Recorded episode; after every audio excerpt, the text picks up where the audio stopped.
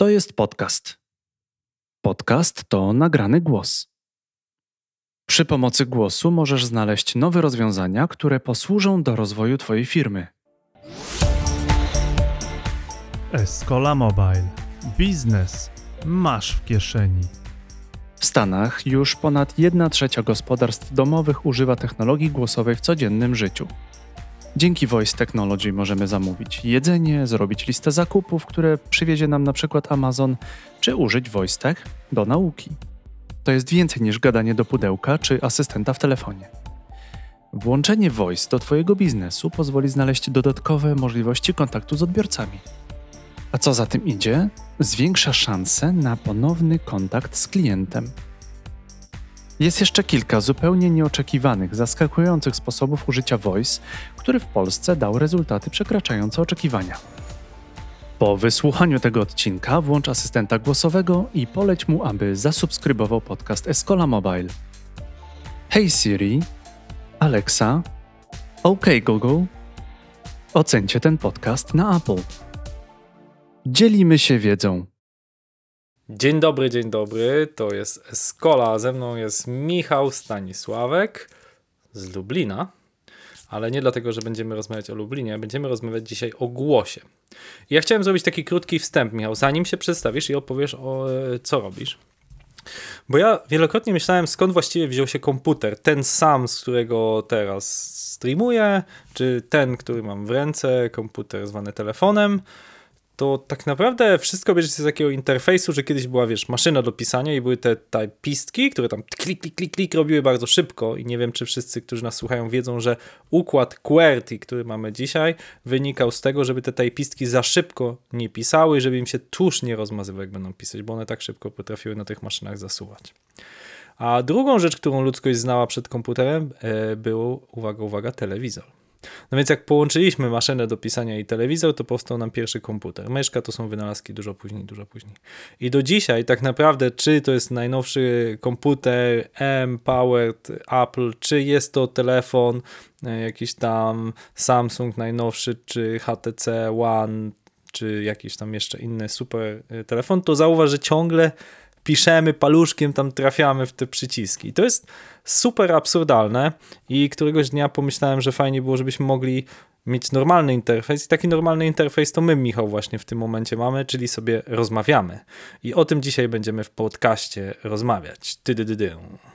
Michał, a powiedz, co ty robisz w tym, żeby zmienić naszą rzeczywistość klikania w małe literki w telefonie na rzecz tego, żeby ludzie rozmawiali normalnie. To może zacznijmy od tego, że podziękuję Wam za, za zaproszenie do, do podcastu. To technologie głosowe i w ogóle interfejs głosowy to jest taki temat, który, który ja uwielbiam, uwielbiam o nim mówić, więc też y, jeżeli się za bardzo rozgadam, to mnie zatrzymuj. To Cię zmutujemy. Dobrze. Um, Natomiast e, skąd, skąd, skąd to się wzięło, skąd ja pochodzę? Ja generalnie jestem, jestem osobą, która zajmowała się technologią od, od, od zawsze. E, gdzieś tam moje e, moje początki to, to, to było wręcz programowanie, tak, później, później, później to wszystko popłynęło trochę w stronę bardziej e, architektury oprogramowania i aż, aż, aż do, do, dotarłem e, do takiego momentu, kiedy, kiedy stwierdziłem, że warto spróbować zrobić coś, e, coś samego. Gdzieś tam cały czas, cały czas we mnie tkwi taka ciekawość nowych rzeczy, ciekawość świata i muszę też powiedzieć, że jako, jako osoba zajmująca się technologią trochę przespałem tą rewolucję e, w mobilu. Ja zajmowałem się przez długi czas technologiami związanymi z mediami, z, nad, z technologiami dla nadawców telewizyjnych na całym świecie i ta rewolucja E, te, to przejście z desktopu na, na telefony komórkowe i przejście z interfejsu w postaci myszki, klawiatury na, na dotyk, na, na przesuwanie, na pinczowanie i zoomowanie i inne tego typu rzeczy, e, to gdzieś mnie ominęło. Stąd też ta, ta może taka ponadprzeciętna ciekawość moja związana z, z kolejną rewolucją, tak? czyli e, z jakby takim przejściem e, delikatnym w stronę interfejsów głosowych. Tak? E, mówię delikatnym z tego powodu, że ja nie oceniam tego w kategorii takiej rewolucji. Nie uważam, że wszyscy nagle już zaczniemy mówić do wszystkiego dookoła i porzucimy ten interfejs, e, czy te interfejsy, które, których używamy do tej pory. Ja bardziej patrzę na to jako rozwiązanie takie komplementarne, coś, co coś, co pozwoli nam de facto na wykorzystanie technologii w sposób bardziej naturalny. Tak, mhm, mhm. tak, jak, tak jak mówiliśmy, no, głos jest dla nas naturalny, pewnie moglibyśmy mówić o gestach, tak, ale, ale tutaj chcemy się skoncentrować na tym, czym w tym momencie się zajmujemy, czyli rozmawianiem. No i powiedz, mm, jak to, jak to, no jaki jest aktualny stan techniki, bo obserwujemy walkę gigantów, jak dla mnie, to znaczy mamy ten e, asystent Google, tak, że mówimy OK Google i odzywają się urządzenia, tak, i to faktycznie jest wygodne, szczególnie w określonych sytuacjach, jak choćby jazda samochodem, gdzie, czy, czy po prostu inne sytuacje, gdzie mamy zajęte ręce. E, bardzo popularna jest Alexa, tak, mamy tam, jeśli się nie mylę, to w Stanach Zjednoczonych to jest ponad 50 milionów urządzeń, popraw mnie, jeśli się mylę. W tym momencie adopcja na, na rok 2021 to już jest 90,7 miliona. E, Dziewię czyli to jest więc... praktycznie każde gospodarstwo domowe, jeżeli w Stanach żyje tam 300 kilkadziesiąt milionów, no to można powiedzieć, że co drugie gospodarstwo domowe, tak, bo to kilka osób może korzystać, co drugie gospodarstwo domowe gada do jakiejś skrzynki. No, adopcja jest na poziomie, jeżeli tak liczyć, liczyć e, do populacji ogólnej, to adopcja byłaby na poziomie około 35%, więc można, można spokojnie zakładać, że przynajmniej e, jedna trzecia E, osób ma dostęp e, jakiś do, do tych technologii. E, szczególnie tutaj mówimy o smart speakerach, tak?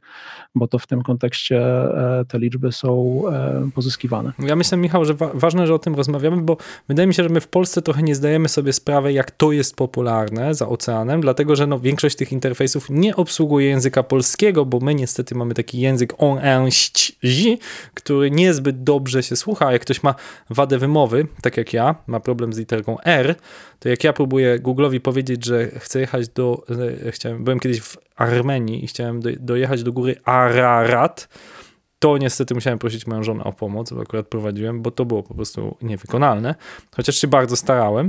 A, a w angielskim, chociaż są różne akcenty, jest po prostu dużo więcej danych i nie ma tej deklinacji, tak, tych wszystkich odmian e, tak wiele, nie? Więc to, to rozumiem, dlatego warto o tym w Polsce rozmawiać, bo my trochę nie zdajemy sobie sprawy, że tak jak mówisz, to jest rewolucja w pewien sposób, to jest już powszechna technologia i ona parę rzeczy zmienia technologię, ale o tym za chwilę. Zgadza się. Znaczy, nawet nie musimy patrzeć daleko, nie musimy patrzeć za, za. Jeżeli popatrzymy sobie na raporty z, e, z Wielkiej Brytanii czy z Niemiec, no to tutaj też mówimy o adopcji na poziomie e, czy prawie 30%, jeżeli chodzi o Niemcy, czy 38%, jeżeli chodzi o Wielką Brytanię. No tak, bo niemiecki język jest, jest większy, tak? Popularny, popularny język jest niemiecki, tak? Więc rozumiem, że tutaj mamy i Alexa, y, mówi po niemiecku, i, e, I Siri, rozumiem, też pewnie mówi po niemiecku, tak? No tak, no tutaj jeżeli chodzi o język polski, to my może nie, nie jakby największym problemem nie jest samo rozpoznawanie języka, bo mm, jakby Google, Google udowodniło nam, że to, to jest taki problem, który, który można rozwiązać, tak? Natomiast e, e, największym problemem, jeżeli chodzi o, o asystentów głosowych i o to, żeby, o, o to, żeby sprawić, że ci asystenci będą faktycznie użyteczni dla takiego przeciętnego e, użytkownika, to jest nie tyle sam, sam fakt rozumienia języka, co e, dodanie do tego kontekstu takiego kulturowego, tak, żeby ten, żeby ten asystent faktycznie rozmawiając w danym języku, był w stanie rozmawiać w sposób odpowiedni kulturowo dla danej grupy, do której, do której jest kierowany. Czyli rozumiem, że na przykład po niemiecku nie mówi żartów.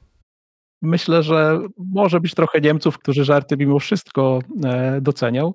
Natomiast na pewno asystent może zachować się w pewnych sytuacjach bardziej formalnie, niż zachowałby się w, e, w, w tego typu samych e, sytuacjach dla użytkownika ze Stanów Zjednoczonych.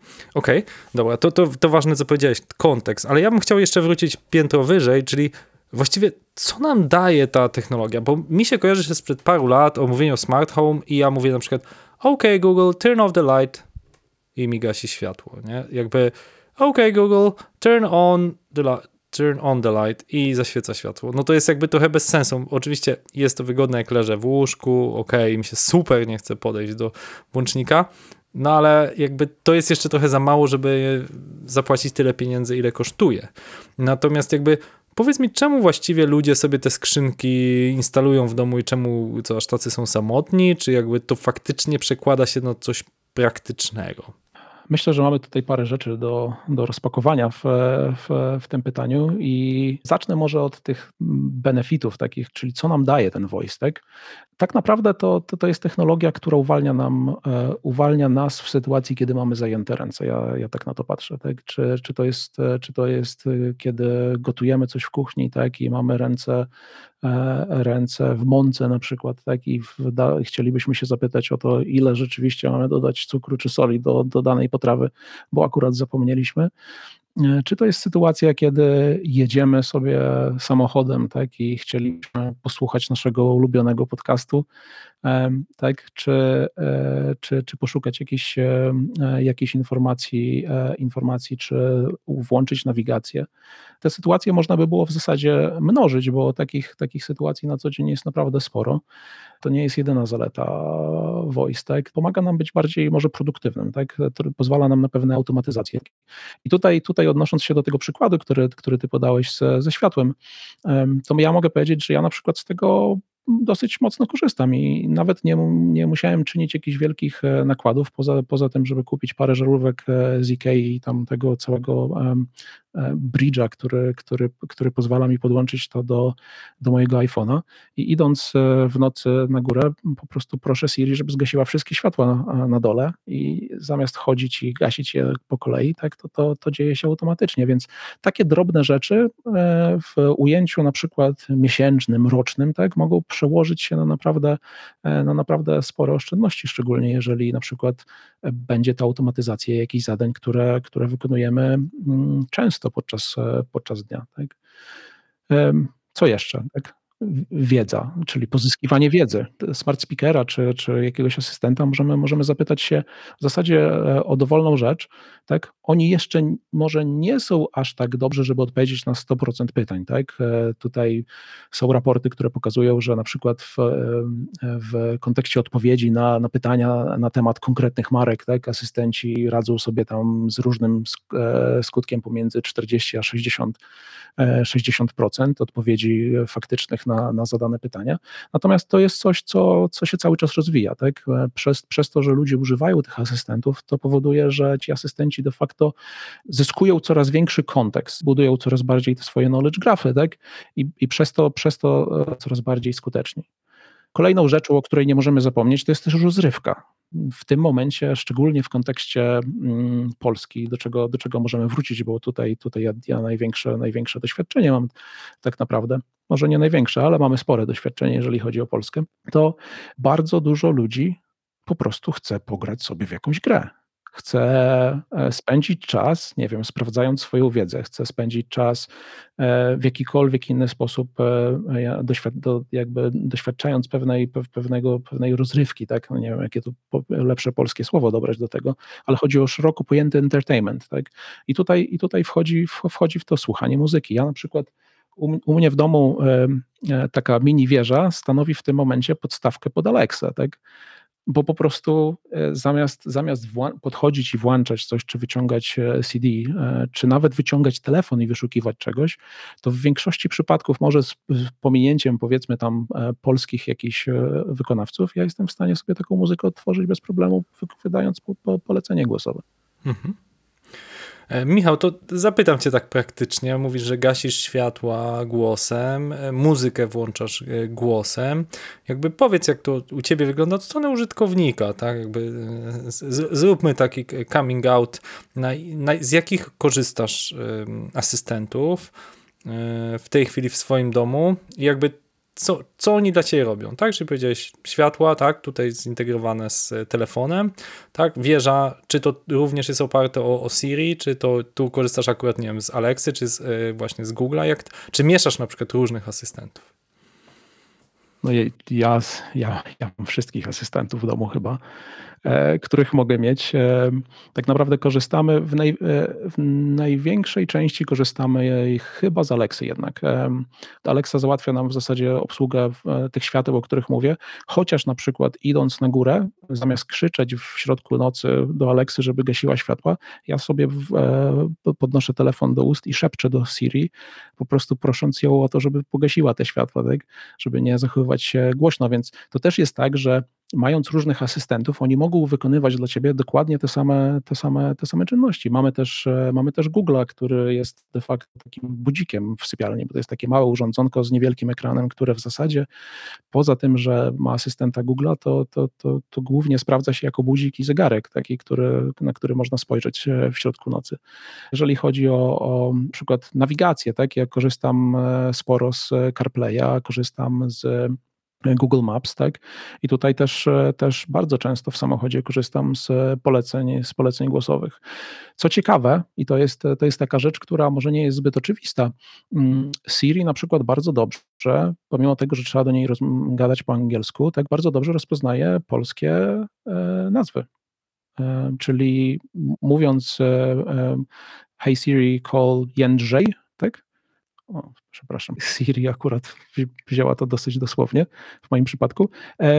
Siri faktycznie wyszuka w moich kontaktach e, Jędrzeja, tak? Także tutaj, pomimo tego, że nasza obsługa polskiego powiedzmy nie jest tam, znaczy nie ma oficjalnej obsługi polskiego, to, to pewne aspekty języka już są, już są obsługiwane. No to mnie zaskoczyłeś, bo ja musiałem, y, miałem wpisaną mamę mamuśka i było mamaszka, trzeba było mówić, więc musiałem zmienić na mother i father, żeby jakoś rozpoznawały, czy tam brother, bo nie było to, przynajmniej jeszcze tam z 2-3 lata temu, jak to robiłem, to zupełnie nie działało.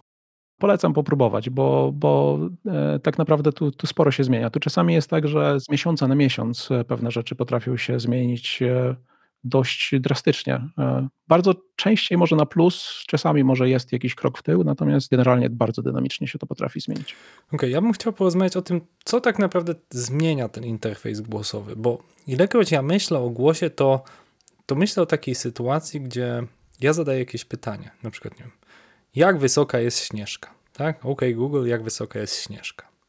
I moim zdaniem jedna z istotnych rzeczy takich kluczowych to to, że o ile Google podaje ci tam 10 stron odpowiedzi, a jak jesteś uparty, to tam doskrolujesz się do setnych stron, no to jakby interfejs głosowy musi ci podać jedną klarowną odpowiedź, jako tą, tak jak my w rozmowie. Nie mówisz mi, no Krzysztof, to A, B lub C, to tak tylko prawnicy odpowiadają pozdrawiamy tutaj wszystkich prawników, że, że, że to zależy i tak dalej. Jakby chcemy jednej konkretnej odpowiedzi, nawet jeżeli wiemy, że ona jest obarczona błędem. I najczęściej jak coś właśnie pytam e, telefonu, to on mówi mi here is what I found on the web, to co znalazłem. Czyli takie w sumie odpowiedzi i tak muszę do tego interfejsu popatrzeć, poklikać przez to odpowiedzi. Ale proste pytania właśnie, jak wysoka jest śnieżka albo jak upiec naleśniki, tak? Na stronach www znajdziesz 100 rodzajów, jak zrobić naleśniki. Come on, naleśniki. Natomiast jak zapytasz to Aleksy, to ona ci poda jeden najpopularniejszy wersję, no bo jak jesteś w kuchni i się zastanawiasz, czy wbić dwa jajka, czy jedno, no to jakby chcesz konkretnej odpowiedzi. I moim zdaniem to jest radykalna zmiana, która sprawia, że już nie mówi, że, że jakby strasznie ważne nie jest być w top 10 Google'a, tylko ważne być jest w top 1 Aleksy, tak? Jak zapytasz Aleksy, jaka jest najlepsza uczelnia na świecie, to pewnie powie Harvard tak? I to jest szalenie ważne, żeby być w top 1. I czy jest jeszcze coś, co widzisz, że zmienia ten właśnie interfejs głosowy? Bardzo dobrze to, to, to opisałeś. E, natomiast mm, z punktu widzenia marek, tak, to zmienia podejście do tego, jak patrzymy na Search Engine Optimization de facto, jako w ogóle pojęcie, tak? Bo w tym momencie rzeczywiście musimy zacząć, zacząć optymalizować e, jako biznes siebie pod to, żeby, żeby, żeby jak najlepiej odpowiadać na pytania, żeby zrozumieć, w jakim kontekście znajdują się na, nasi użytkownicy czy nasi klienci w momencie, kiedy zadają takie pytania i być w stanie na takie, takie pytanie odpowiedzieć, czy to poprzez odpowiednie ułożenie treści na naszej stronie, tak żeby Google rzeczywiście te, e, te odpowiedź na to pytanie znalazł u nas, tak, czy e, poprzez e, sam fakt stworzenia na przykład aplikacji na, na, na tego typu urządzenie, czy to będzie Google Assistant czy Alexa, po to właśnie, żeby przejąć, jakby przechwycić tą interakcję, tą interakcję z klientem. Tak? No tutaj, tutaj ja patrzę e, z punktu widzenia jakby biznesu, ja patrzę na, na, na jako na, na coś, co wymusza na biznesie troszeczkę inne podejście. Tak? E, podejście takie, że to już nie jest taki, wiesz, spray and pray, tak? gdzie, gdzie e, wyrzucamy jakby coraz więcej kontentu i on e, bazując na jakichś algorytmach albo trafia, albo nie trafia do, do naszych klientów czy do grup docelowych, które, do których chcielibyśmy, żeby, żeby on trafił. Tutaj bardziej skup, powinniśmy skupiać się na, na budowaniu relacji, tak? na, na tym, żeby faktycznie mm, te zalety, o których mówiłem, e, głosu, tak, czy interfejsu głosowego, e, przekładały się na, na, na te benefity dla, dla tych klientów, e, dla tych klientów końcowych. No, my obserwujemy w ogóle w, w świecie taki shift z attention economy do creator economy, gdzie coraz bardziej znaczenie zaczyna mieć budowanie społeczności wokół swojego biznesu czy wokół swojej marki, a, a coraz mniejsze znaczenie ma to, ile lajków e, zbierze nasz post, ten czy tamten, tak? Oczywiście jakość, e, a nie ilość, o tym się już mówi od dłuższego czasu, tak? E, ale mm, chciałem Cię zapytać, bo wspomniałeś o aspektach biznesowych, tak? Chciałbym Cię zapytać, mhm. no tu jako eksperta, twórcy, jak pochwaliłeś się, gier Mm, głosowych, nie wiem, czy to jest dobre określenie, gier głosowych, tak jakieś quizy widziałem, robiliście o, nie wiem, o, o kubicy, mhm. jakieś tam inne rzeczy, o, to, o tym z, chciałbym, żebyś opowiedział, że mm, wiesz, my kojarzymy, że to tam Alexa ci, ci gdzieś tam w Dolinie Krzemowej wytwarzają, czy tego Google'a, czy Siri, ale jak rozumiem, że ty, twoja firma się tym zajmujecie i jakby Powiedz mi, jakby na czym polega ten biznes? Y, czy mm, jest możliwe wgrywanie tych, y, nie wiem jak to po polsku, third party apps, czyli wgrywanie jakichś dodatkowych rzeczy na tego typu urządzenia? Czyli ci giganci też stoją, tak jak nie wiem, jest App Store, który no, zrobiony przez giganta Apple, ale każdy może zrobić na to swoją aplikację, tak? Czy Google Play, o tym, o tym dużo mówimy w Escola Mobile, E, jak to wygląda właśnie od strony tych asystentów głosowych? Na ile to jest otwarty ekosystem dla właśnie małych twórców, żeby sobie coś zaprogramowali? Odpowiem jak konsultant, czyli to zależy. Bo tak naprawdę to zależy od, od tego, o której, o której z platform rozmawiamy. Tak? Mhm, to po kolei pójdźmy, Google bo ich nie jest aż tak dużo. Mhm. Nie, nie jest, nie jest ich tak, tak, tak dużo. W zasadzie zacznijmy od Apple'a może, o którym hmm. trochę wspominaliśmy. No Apple w tym momencie nie, nie daje twórcom um, możliwości jakby tworzenia rozwiązań. Tutaj Apple bardziej skupia się na tym, żeby wspomóc użytkownika, tak? czyli poprzez, poprzez te shortcuts tak? pozwolić użytkownikowi na przykład automatyzować pewne, e, pewne rzeczy. Natomiast nie jest to do końca dostępne dla, dla, dla twórców, albo nie jest to w takim, w takim stopniu dostępne, żeby rzeczywiście myśleć o, o tym, jak o tworzeniu aplikacji na Apple'a czy, czy na Siri. Tak? Alexa. Alexa mm, jakby posiada swój własny marketplace. E, e, tak naprawdę aplikacje, które tworzymy na, na, na Alexa nazywają się skills, czyli umiejętności po polsku e, i są to, są to najzwyklejsze, najzwyklejsze aplikacje, które muszą być zgłoszone do, do, do tego skills store, czyli de facto takiego marketplace'u, muszą przejść przez review. Generalnie proces, proces tutaj jest dosyć, dosyć podobny do, do tworzenia aplikacji mobilnych i, i jakby dodawania ich do, e, do marketplace'ów e, poszczególnych, e, poszczególnych platform. I tak, I tak myślę, należałoby o tym myśleć. Jeżeli chodzi o włączanie tych skilli, to rzeczywiście Alexa wymaga od użytkownika, żeby użytkownik wiedział i włączył sobie jakiś skill, chociaż są odstępstwa od, od tej zasady, gdzie są, gdzie są inwokacje tak, tak zwane domyślne, no ale to, to często wymaga współpracy jakby bliższej już z samym Amazonem. I przechodząc e, tanecznym krokiem do Google Asystenta, e, to tutaj, tutaj sytuacja wygląda podobnie jak w Alexie, z jedną różnicą, że, że Google nie wymaga od nas e, włączania, od użytkownika nie wymaga włączania jakichś e, konkretnych e, akcji, bo na Google te aplikacje nazywają się akcje. Proces jest bardzo podobny, jeżeli chodzi o, o, o dodawanie tego. Kwestia discoverability, czyli takiej możliwości odkrycia przez użytkowników tego, jakie są, jakie są możliwości dla danych asystentów no mocno kuleje. I ten, to jest taki problem, który, który nie został jeszcze do tej pory rozwiązany. Mhm.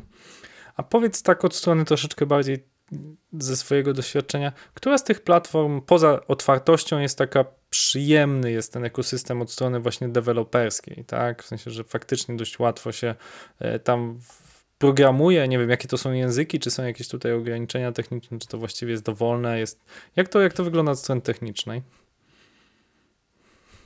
E, wiesz co, to tutaj mm, tak naprawdę e, można powiedzieć, że e, wszystko można zrobić korzystając z JavaScriptu czy TypeScriptu. Tak? Te, mm, te SDKs, które są dostępne dla konkretnych, dla konkretnych platform. Czyli wyjaśnijmy, Software Development Kit, czyli jest to jakby zestaw narzędzi, które oferuje dostawca platformy, po to, żebyśmy tak. używając tych narzędzi, ucząc się ich, mogli je oprogramować. Tak, i to są takie specyficzne dosyć e, rzeczy. Natomiast na, mm, na rynku dostępne są rozwiązania, które mm, abstrahują trochę te indywidualne jakby interfejsy do konkretnych platform, pozwalając tworzyć rozwiązania jakby w jednym miejscu. To troszkę, troszkę przypomina w tym momencie może tworzenie mm, stron dla różnych przeglądarek. Tak? E, w przeszłości, chociaż nie jest to taka analogia jeden do jednego całkowicie, bo jednak przeglądarki w, wspierały jeden konkretny czy zestaw protokołów, tak?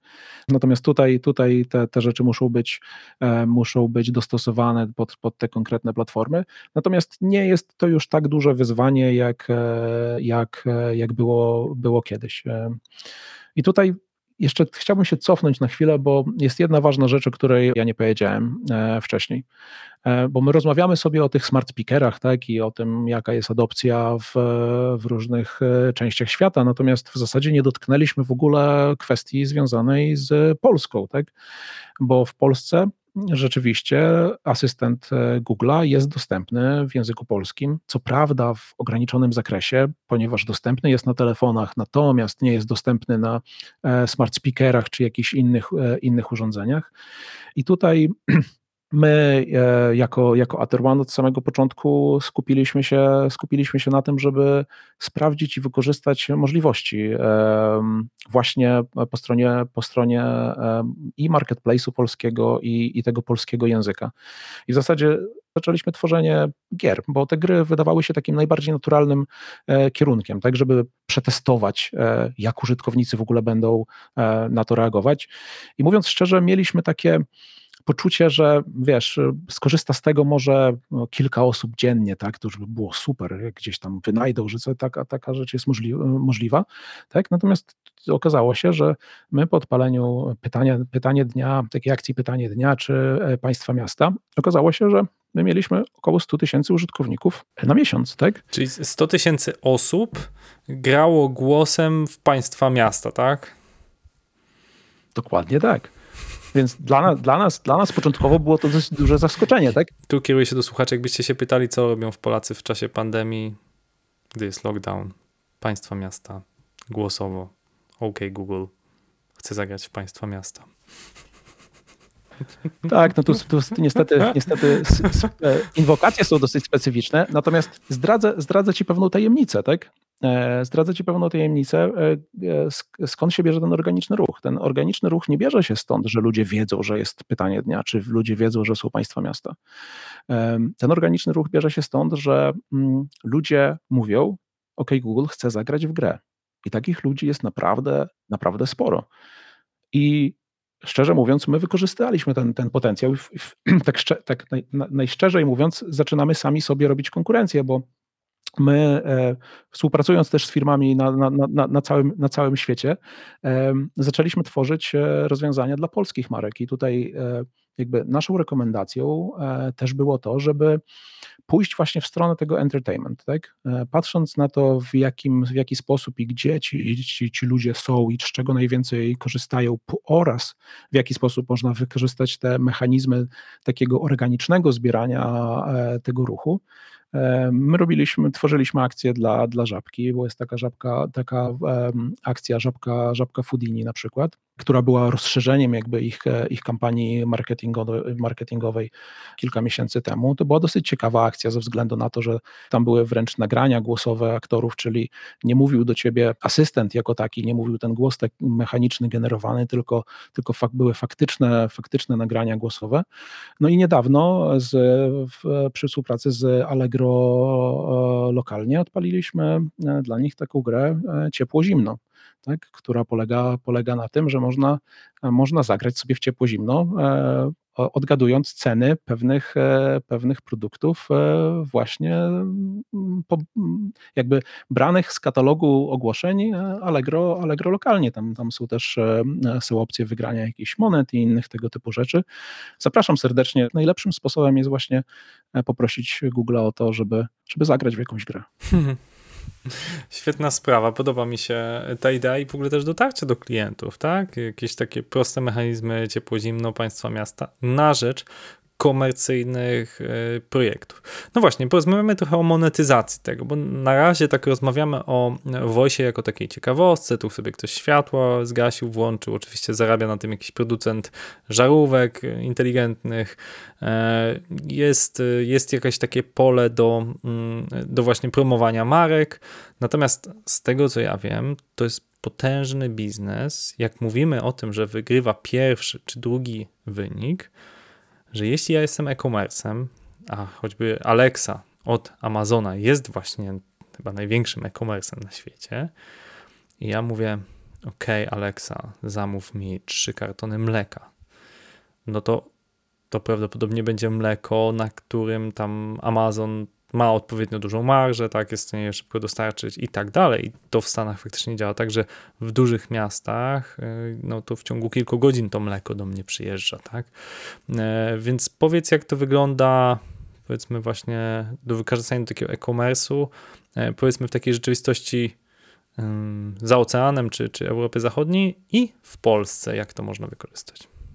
To wykorzystanie należałoby rozbić na kilka, kilka aspektów, tak naprawdę. Mm, bo rzeczywiście jest, jest możliwość, e, mm, nie w Polsce jeszcze, natomiast e, i też nie we wszystkich krajach, w których dostępne, dostępne są, e, dostępni są asystenci, natomiast zdecydowanie w tych, w tych największych, czy w Stanach, czy w Wielkiej Brytanii, czy w kilku innych, jest możliwość tworzenia, e, tworzenia tych third-party skills czy actions w taki sposób, żeby one rzeczywiście pokonywały e, czy przeprowadzały użytkownika przez całą ścieżkę, ścieżkę zakupową.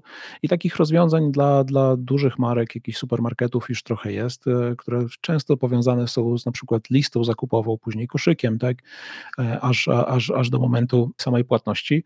I rzeczywiście tego typu rozwiązania gdzieś tam funkcjonują i istnieją.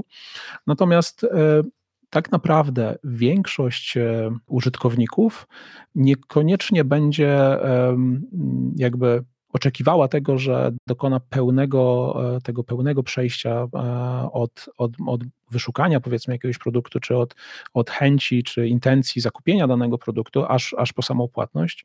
Sporo z użytkowników e, głosowych na przykład wykorzystuje, chyba tutaj liczba, która jest taka dosyć obrazująca, to że 70% użytkowników głosów w UK tak, szuka specyficznych informacji na temat marki. I tutaj należałoby się zastanowić nad tym, że tak de facto w, w części w, e, tych użytkowników to jest proces, to jest rozpoczęcie jakiegoś procesu decyzyjnego, który, który jest, jest rozpoczęciem procesu też sprzedażowego.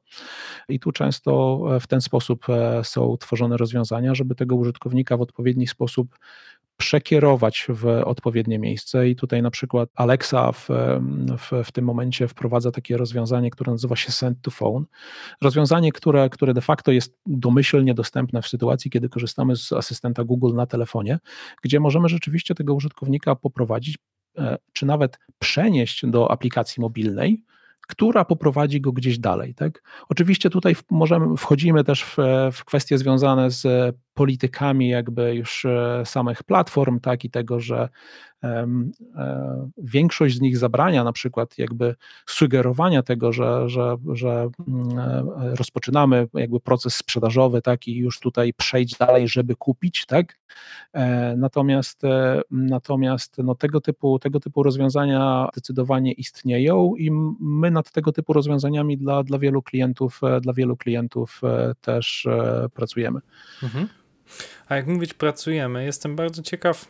Hmm bo ty już to robisz od y, kilku lat dobrych. Mm, jak zacząć? To znaczy, jeżeli mm, czy to młody programista, czy jakiś niewielki software house czuje, że no właśnie voice to jest technologia przyszłości, że warto na to postawić. Od czego radziłbyś zacząć? Jak pierwsze kroki stawiać, żeby zrobić pierwsze projekty z tym związane?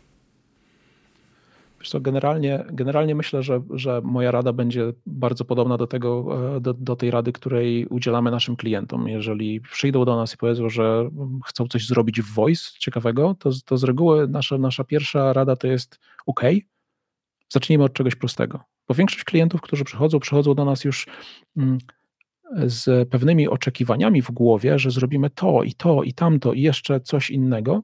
Natomiast realia są takie, że musimy myśleć o, o użytkowniku i o tym, żeby nie przeładować go kognitywnie, e, na przykład dużą ilością e, informacji czy dużą ilością wyborów. Więc, więc moja rada byłaby po prostu zacznij, tak? E, I zacznij od prostych rzeczy, bo często, często właśnie te proste rzeczy przyzwyczajają użytkowników, czy wręcz pozwalają im tworzyć pewne nawyki do tego, żeby pytać o Twoją markę, czy pytać o rzeczy związane z Twoją marką, czy dowiedzieć się mm, o godziny otwarcia, czy dowiedzieć się na przykład o sposoby kontaktu, czy, e, czy dowiedzieć się na przykład o sposoby wykorzystania danego produktu w jakichś konkretnych sytuacjach. I to, to, jest, to jest też taki ważny aspekt, żeby, i tu chyba powtórzę się trochę, żeby złapać tego, żeby wiedzieć, żeby zrozumieć, jak złapać tego użytkownika w takim danym momencie, w momencie, kiedy on może mieć jakiś problem, jakieś pytanie. I zdecydowanie, zdecydowanie, zdecydowanie warto zacząć. Tutaj mm, tak naprawdę nie trzeba jakichś specjalnych e, umiejętności. E, trzeba na pewno zrozumieć e, tworzenie jakby konwersacji, tak? czyli jeżeli ktoś ma doświadczenie z tworzeniem chatbotów czy tego typu, czy tego typu rozwiązań, to będzie zdecydowanie, zdecydowany plus. Natomiast nawet poprzez jakby serię eksperymentów, czy czy jakiś kurs związany z, z, tworzeniem, z tworzeniem konwersacji, to te, te umiejętności można nabyć, szczególnie w kontekście prostych rzeczy. No i tak jak wspomniałem, no są frameworki właśnie e, typu Java, e, które poz, poz, pozwoli w bardzo prosty sposób e, napisać jakieś rozwiązanie. Są też, e, jest, też, jest też trochę rozwiązań takich dla ludzi, którzy nie są programistami. Na przykład e, w tym momencie jest, e, jest rozwiązanie, które nazywa się VoiceFlow, które jest de facto jest takim rozwiązaniem no code dla voice'a. E, takim rozwiązaniem, gdzie lingwiści czy, czy ludzie, którzy zajmowali się tylko tworzeniem konwersacji, e, mogą w pewnym sensie wyklikać sobie e, taką, taką akcję czy takiego skilla. Więc tutaj, tutaj, tutaj rozwiązań jest naprawdę dużo i dla ludzi technicznych, i dla ludzi, którzy nie do końca są techniczni, natomiast, natomiast posiadają, posiadają te umiejętności miękkie, które tutaj, które tutaj są wymagane, bo też no, nie ma co ukrywać jakość konwersacji będzie wpływała na jakość tego skilla, będzie wpływała na to, e, czy ten użytkownik e, odejdzie od naszego doświadczenia zadowolony czy rozgoryczony. Powiedz mi jeszcze, e, Wspomniałeś o, tych, o tych chatbotach. Bardzo dużo myślę o tym aspekcie, jak nasz głos jest przekształcany na tekst. I e, mało osób wie, że chociaż Siri nie obsługuje języka polskiego, ale na przykład można już dyktować wiadomości jak najbardziej w języku polskim. I ten voice to speech, e, voice to text całkiem nieźle działa nawet w przypadku Apple'a. I powiedz, jak ta technologia, jak widzisz przyszłość tej technologii, bo ja widzę faktycznie, że to z roku na rok jest lepsze. Widać, że te algorytmy tej sieci mm, zwanej sztuczną inteligencją, tak, faktycznie się poprawiają, no choćby dlatego, że dostają feedback, jeżeli my coś piszemy, dyktujemy i no, popełnimy błąd i ten algorytm widzi, że my to potem poprawiamy, no to znaczy, że źle zrozumiał. E, powiedz, jaką tutaj widzisz przyszłość, czy może, mm, bo ja, bo, ja, bo ja często się zastanawiam nad takim aspektem, czy moje dzieci jeszcze będą pisały wypracowania, czy będą dyktowały wypracowania w szkole, a e, potem tylko no, korygowały tam jakieś niezbędne błędy, bo interfejs głosowy jednak jest dużo szybszy. Nawet jeżeli piszemy szybko, bezwzrokowo, no to jeżeli jesteśmy w stanie to podyktować, a potem bardzo szybko poprawić, to jest to po prostu szybsze.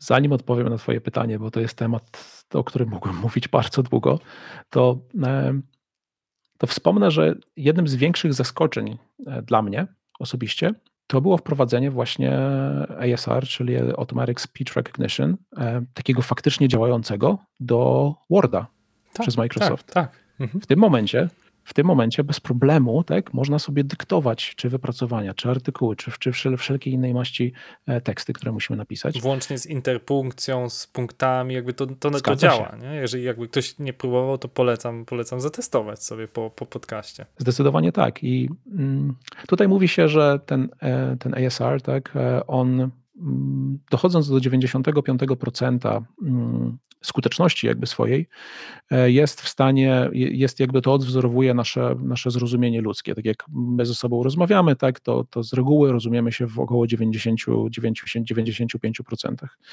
Natomiast to, co to, to, to, czego ja upatruję w tej technologii, to jest to, co się stanie, jeżeli przekroczymy ten próg 95%. Tak? Bo rzeczywiście ta technologia, ona z, z miesiąca na miesiąc, z roku na rok jest coraz lepsza, e, coraz lepiej obsługuje kwestie związane z E, czy aspektami, czy z, e, kwestie związane z jakimiś tam e, specyficznymi sposobami wymowy, czy z wadami wymowy, czy, czy tego typu rzeczami, więc czy, czy nawet kwestie związane z takim samym inclusivity, tak? czyli tego, żeby, żeby rozumieć ludzi z, o, o różnym pochodzeniu, tak? posługujących się tym samym, tym samym de facto językiem to tutaj jest jeszcze jeden ważny aspekt. E, to jest aspekt, który, nad którym e, w tym momencie pracują e, ludzie na, na kilku przynajmniej uniwersytetach, z tego co wiem. Pracuje nad tym Google Research. Jest taki projekt, który nazywa się Google Euphonia. To jest projekt, który jest de facto takim ASR dla ludzi, którzy przeszli operację tchawicy i na przykład ich głos jest znacznie dotknięty samą operacją i ich możliwość e, komunikacji jest znacznie, znacznie upośledzona przez to. Tak? Tutaj upatruję tej faktycznej wartości technologii, kiedy ona pozwoli mi komunikować się z osobą, której mógłbym nie zrozumieć, w taki sposób, że ja będę ją rozumiał tak? i będę w stanie się efektywnie z nią komunikować. I, I to tutaj to są rzeczy takie, które rzeczywiście powodują u mnie wręcz e, gęsią skórkę. Tak? Tą stronę zdecydowanie, zdecydowanie idziemy. Mhm. A jak już mówimy o tym, w jaką stronę idziemy, to chciałbym, żebyśmy mm, w końcowym, e, końcowej części tej audycji pogadali trochę o tym, co może się stać w przyszłości. To znaczy, widać w etapie dekady, jak wiele się zmieniło. To znaczy, pamiętamy, jak to rozpoznawanie głosu było no, fatalne. Działało tak, że no, zniechęcało tak naprawdę.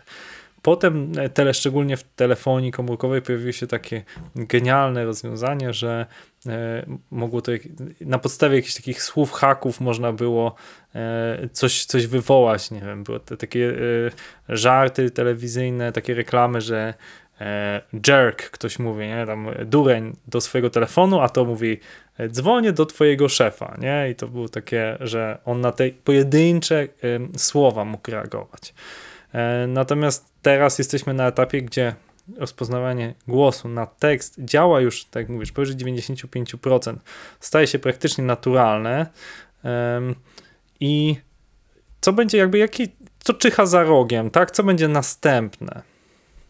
Coś, co mnie chyba najbardziej przekonuje i ja jestem takim może nie tyle zwolennikiem, co, co tak osobiście chciałbym, żeby się wydarzyło. To jest, to jest ten ambient computing. To jest, to jest ta sytuacja, że wchodząc do domu nie będziemy musieli zastanawiać się, do czego my mówimy, tak? Albo zastanawiać się, czy akurat Alexa czy Google stoi w przedpokoju, żeby, żeby móc się porozumieć. Tak? To jest sytuacja, gdzie um, jadąc samochodem, słuchając jakiejś rzeczy, wchodząc do domu, będziemy na przykład mogli kontynuować słuchanie tego podcastu, który przerwaliśmy, e, wychodząc z samochodu. Tak?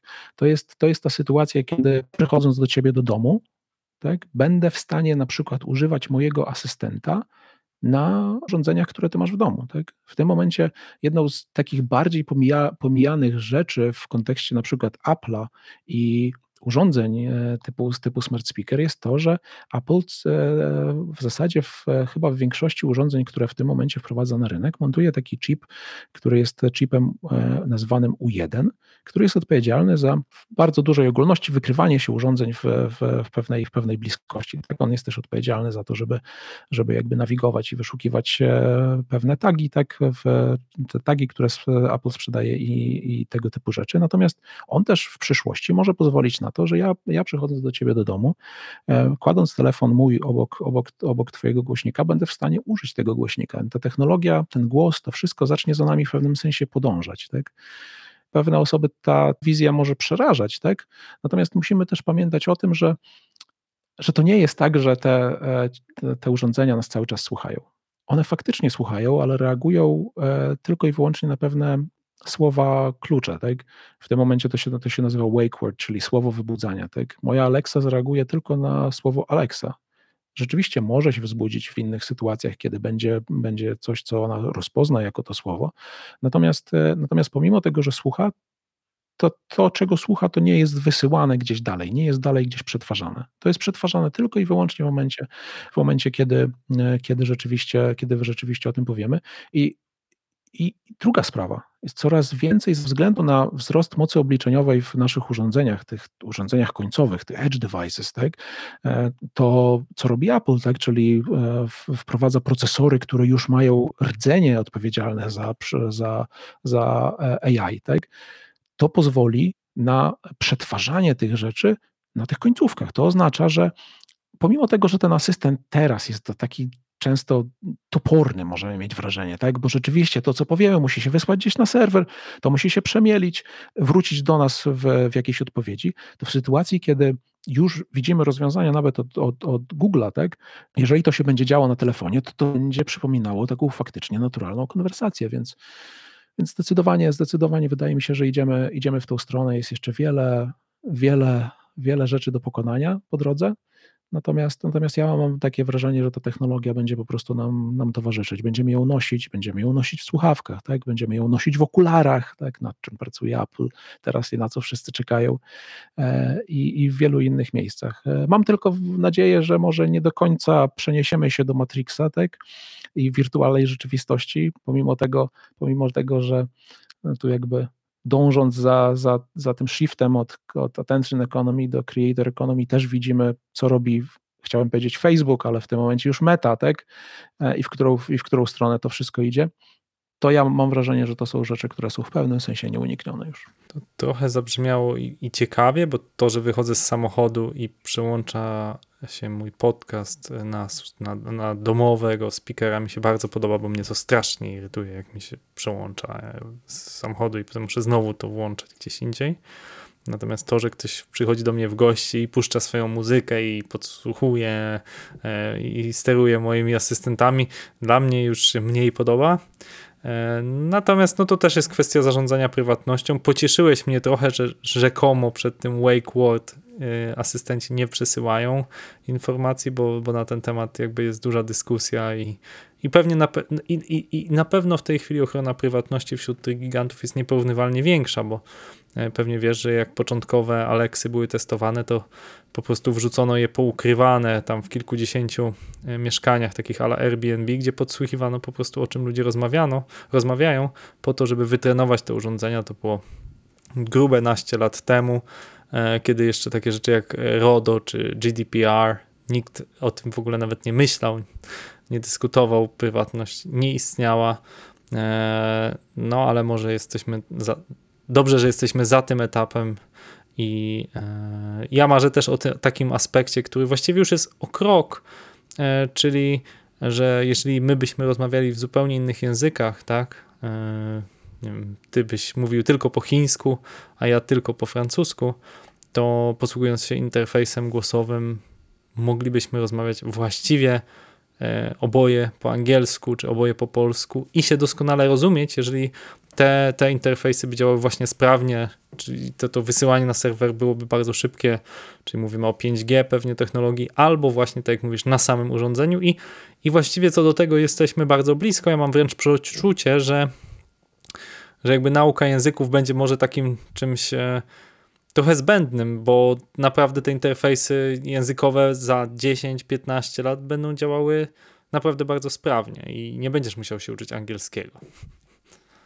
To Google Assistant w zasadzie już ma. Ma tak zwany interpreter mode, który pozwala tobie mówić w jednym języku i jakby tłumaczy to na język inny. I no znam, znam tutaj przykłady ludzi, którzy faktycznie posługiwali się tym na lotniskach czy, czy w innych miejscach. I było to na tyle dobre, że byli w stanie w prostych, w prostych rzeczach się e, swobodnie porozumieć. Tak jak powiedziałeś, to działa, tylko na razie to jest po pierwsze dziwne, a po drugie działa to dość wolno, ale możesz już rozmawiać. Natomiast jeżeli będzie to wbudowane w twoją słuchawkę, to będzie to działało tak, że będziesz miał poczucie, jakbyśmy rozmawiali tak jak teraz rozmawiamy, całkowicie płynnie, tak? bo nie będzie w ogóle tego aspektu przetwarzania. Także to może będzie następny krok.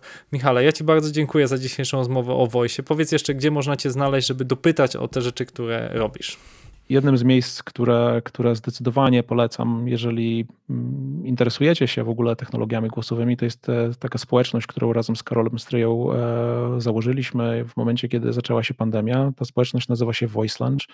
E, warto wejść, zobaczyć, przejść w paść. To, jest, to są spotkania, spotkania na, na, na Zoom, które są regularnie prowadzone w kontekście i globalnym, i regionalnym. Mamy spotkania od Brazylii aż po Japonię w różnych językach też. Więc to jest, takie, to jest takie dobre miejsce, żeby mnie znaleźć i żeby porozmawiać. Natomiast e, można mnie też poszukać na, na w sieciach społecznościowych e, czy na LinkedInie albo po imieniu, nazwisku, albo po moim handlu e, xmstan. Tak dosyć łatwo, dosyć łatwo mnie znaleźć. Ja zapraszam do kontaktu z chęcią, z chęcią z każdym, z każdym na ten temat porozmawiam. Dzięki Ci, Michale. Moim gościem był Michał Stanisławek. Jak zapytacie OK Google, kto to jest Michał Stanisławek, to na pewno znajdziecie tego człowieka. A ja dziękuję za dzisiaj. Dziękuję pięknie. Escola Mobile. Biznes masz w kieszeni. Dziękujemy za Twój czas i za to, że spędziłeś go z nami. Kolejny ekspert w podcaście Escola. Kolejna pasjonująca godzina, podczas której dzieliliśmy się wiedzą. Do podcastu Escola zapraszamy najciekawszych ekspertów.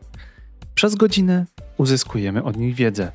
Prosimy, aby się nią podzielili. Rozmowę nagrywamy i wypuszczamy w postaci podcastu, wideokastu, artykułu na naszym blogu oraz filmu na YouTube.